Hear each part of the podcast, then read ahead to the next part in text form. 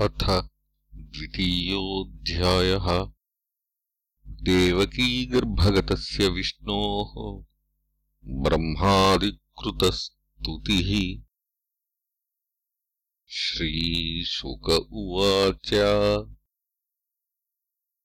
प्रलम्बबकचाणूरतृणावर्तमहाशनैः मुष्टिकारिष्टद् विविधपूतनाकेशिधेनुकैः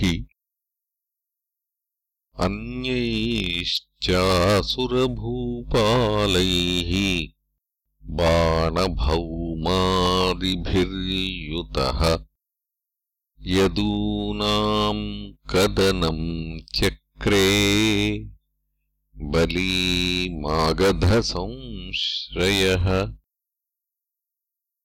ते पीडिता निविविशुः कुरुपाञ्चालकेकयान् साल्वान् विदर्भान् निषधान्। विदेहान् कोसलानपि।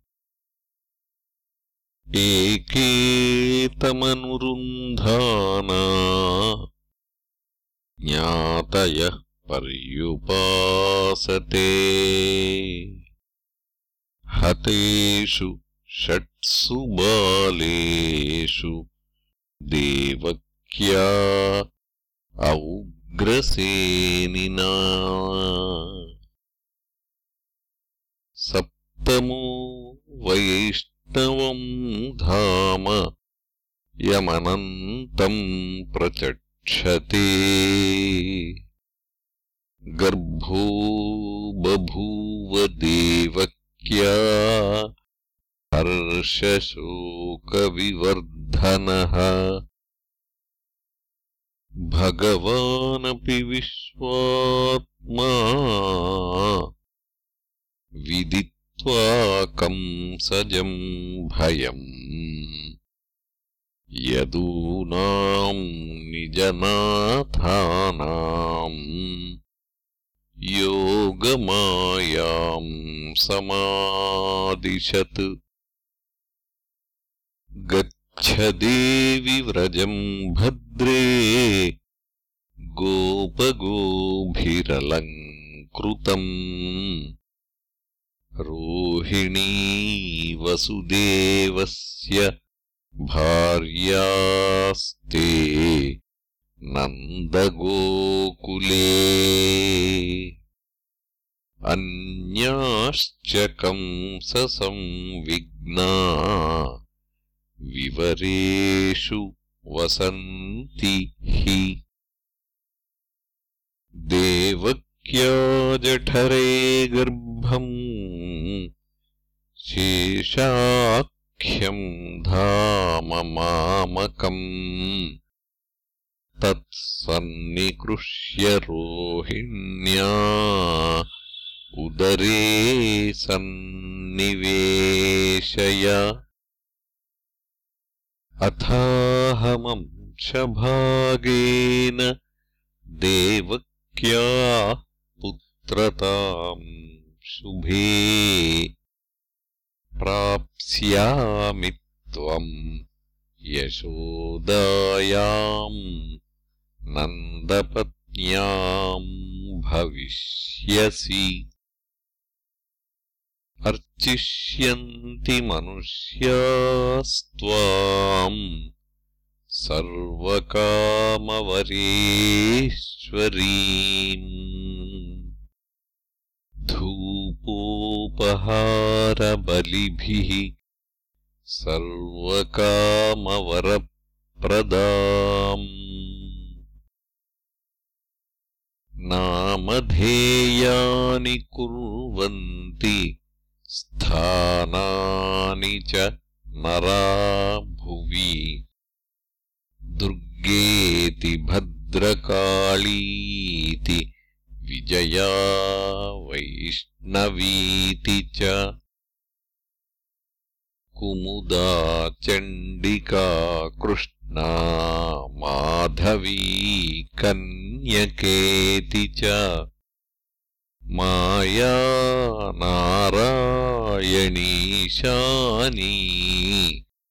शारदेत्यम्बिकेति च गर्भसङ्कर्षणात्तम् वै प्राहुः सङ्कर्षणम् भुवि। रामेति लोकरमणाद्बलम् बलवदुच्छ्रयात् सन्दिष्टैवम् भगवता तथेत्योमिति तद्वचः प्रतिगृह्य परिक्रम्य गाम् गता तत्तथाकरोत् गर्भे प्रणीते देवक्या रोहिणीम् योगनिद्रया। अहो विश्रंसितो गर्भ इति पौराविचुक्रुषुः भगवानपि विश्वात्मा भक्तानामभयङ्करः आविवेशांशभागेन मन आनकदुन्दुभेः। स बिभ्रत्पौरुषम् धाम भ्राजमानो यथा रविः। दुरासदोतिदुर्धर्षो भूतानाम् सम्बभूवः ततो जगन्मङ्गलमच्युतांशम् समाहितम् शूरसुतेन देवी। दधारसर्वात्मकमात्मभूतम् काष्ठा यथानन्दकरम् मनस्तः। सा देवकी सर्वजगन्निवासनिवासभूता।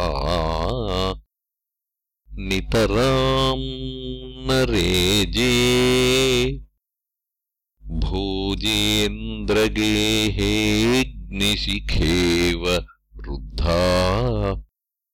सरस्वती ज्ञानखले यथा सती। ताम् वीक्ष्यकम् सः प्रभयाजितान्तराम् विरोचयन्तीम् भवनम् शुचिस्मिताम्। आहैष मे प्राणहरो हरिर्गुहाम्। ध्रुवम् श्रितो यन्न पुरेयमीदृशी किमद्य तस्मिन् करणीयमाशु मे। यदर्थतन्त्रो न विहन्ति विक्रमम्। स्त्रियाः स्वसुर्गुरुमत्यावधोऽयम् यशः श्रियम् हन्त्यनुकालमायुः। स एष जीवन् खलु सम्परेतो। वर्तेतयोऽत्यन्तनृशंसितेन देहे मृते तम् अनुजाः शपन्ति। गन्तातमोऽन्धम् तनुमानिनो ध्रुवम्। इति घोरतमाद्भावात्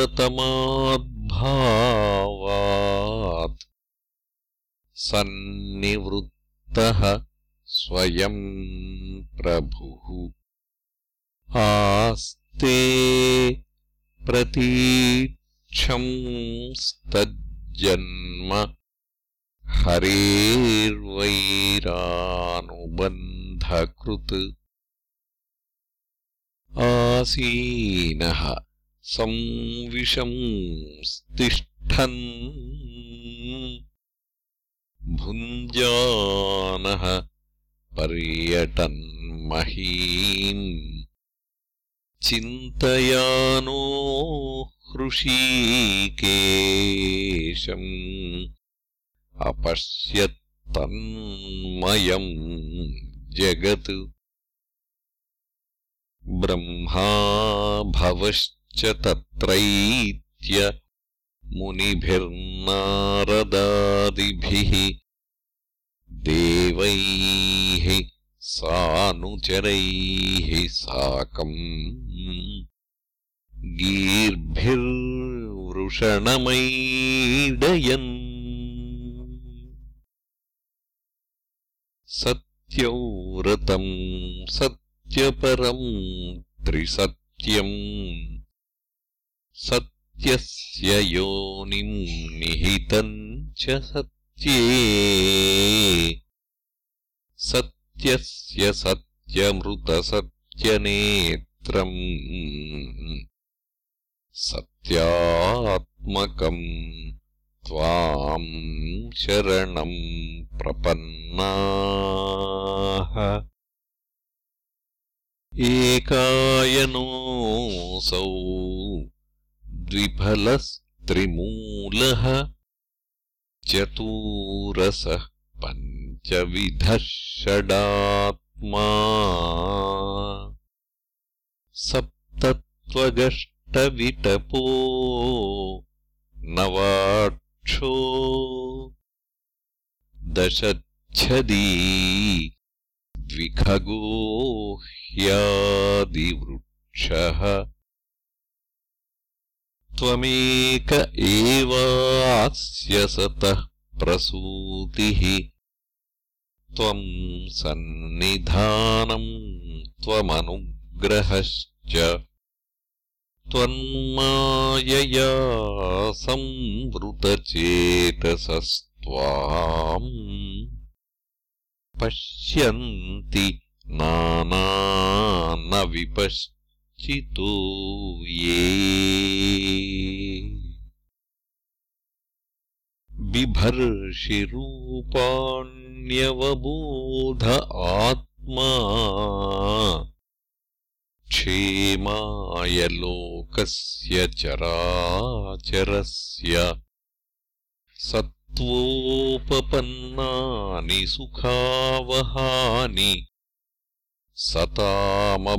सतामभद्राणि मुहुःखलानाम् त्वय्यम्बुजाक्षाखिलसत्त्वधाम्नि समाधिनावेशितचेतसैके। त्वत्पादपूतेन महत्कृतेन कुर्वन्ति गोवत्सपदम् भवाब्धिम्। स्वयम् समुत्तीर्य सुदुस्तरम् द्युमन्। भवार्णवम् भीममदभ्रसौहृदाः भवत्पादपङ्कजम्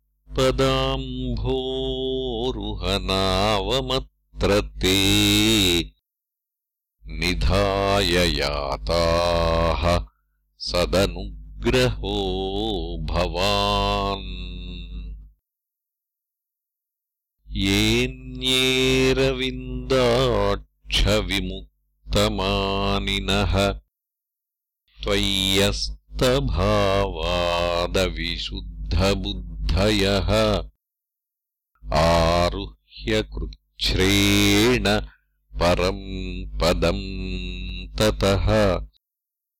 पतन्त्यधोनादृतयुष्मदङ्घ्रयः तथा न ते माधवतावकाः क्वचिद् भ्रश्यन्ति मार्गात्त्वयि बद्धसौहृदाः त्वयाभिगुप्ता विचरन्ति निर्भयाः। विनायकानीकपमूर्धसु प्रभो सत्त्वम् विशुद्धम् श्रयते भवान् स्थितौ शरीरिणाम् श्रेय उपायनम् वपुः। वेदक्रियायोगतपः समाधिभिः तवार्हणम् येन जनः समीहते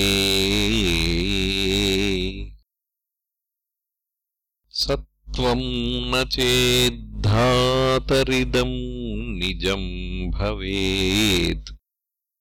विज्ञानमज्ञानभिदापमार्जनम्। गुणप्रकाशैरनुमीयते भवान् प्रकाशते यस्य च येन वा गुणः। न नामरूपे गुणकर्मजन्मभिः। निरूपितव्ये तव तस्य साक्षिणः। मनोवचोऽभ्यामनुमेयवर्त्मनो देवक्रियायाम् प्रतियन्त्यथापि शृण्वन् गृणन् संस्मरयंश्च चिन्तयन्। नामानि रूपाणि च मङ्गलानि ते।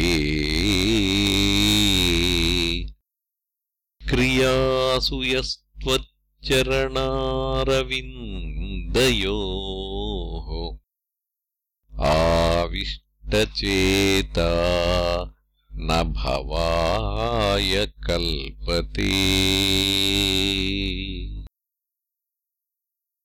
दिष्ट्या हरेस्या भवतः पदो भुवो भारोपनीतस्तव जन्मनेशितुः दिष्ट्याङ्किताम् त्वत् पदकैः सुशोभनैः द्रक्ष्यामगाम् द्याम् च तवानुकम्पिताम्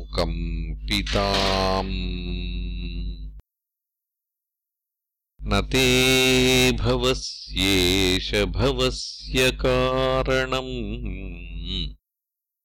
विना विनोदम् बत तर्कयामहे। भवो निरोधः स्थितिरप्यविद्यया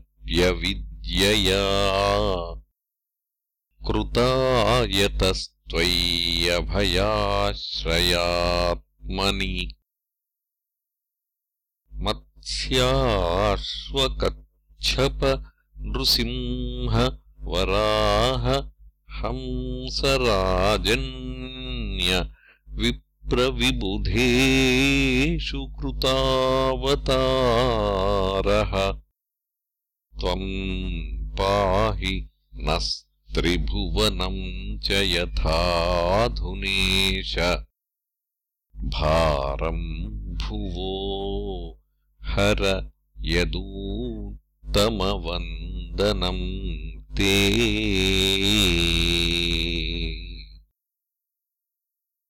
दिष्ट्याम्बते कुक्षिगतः परः पुमान्।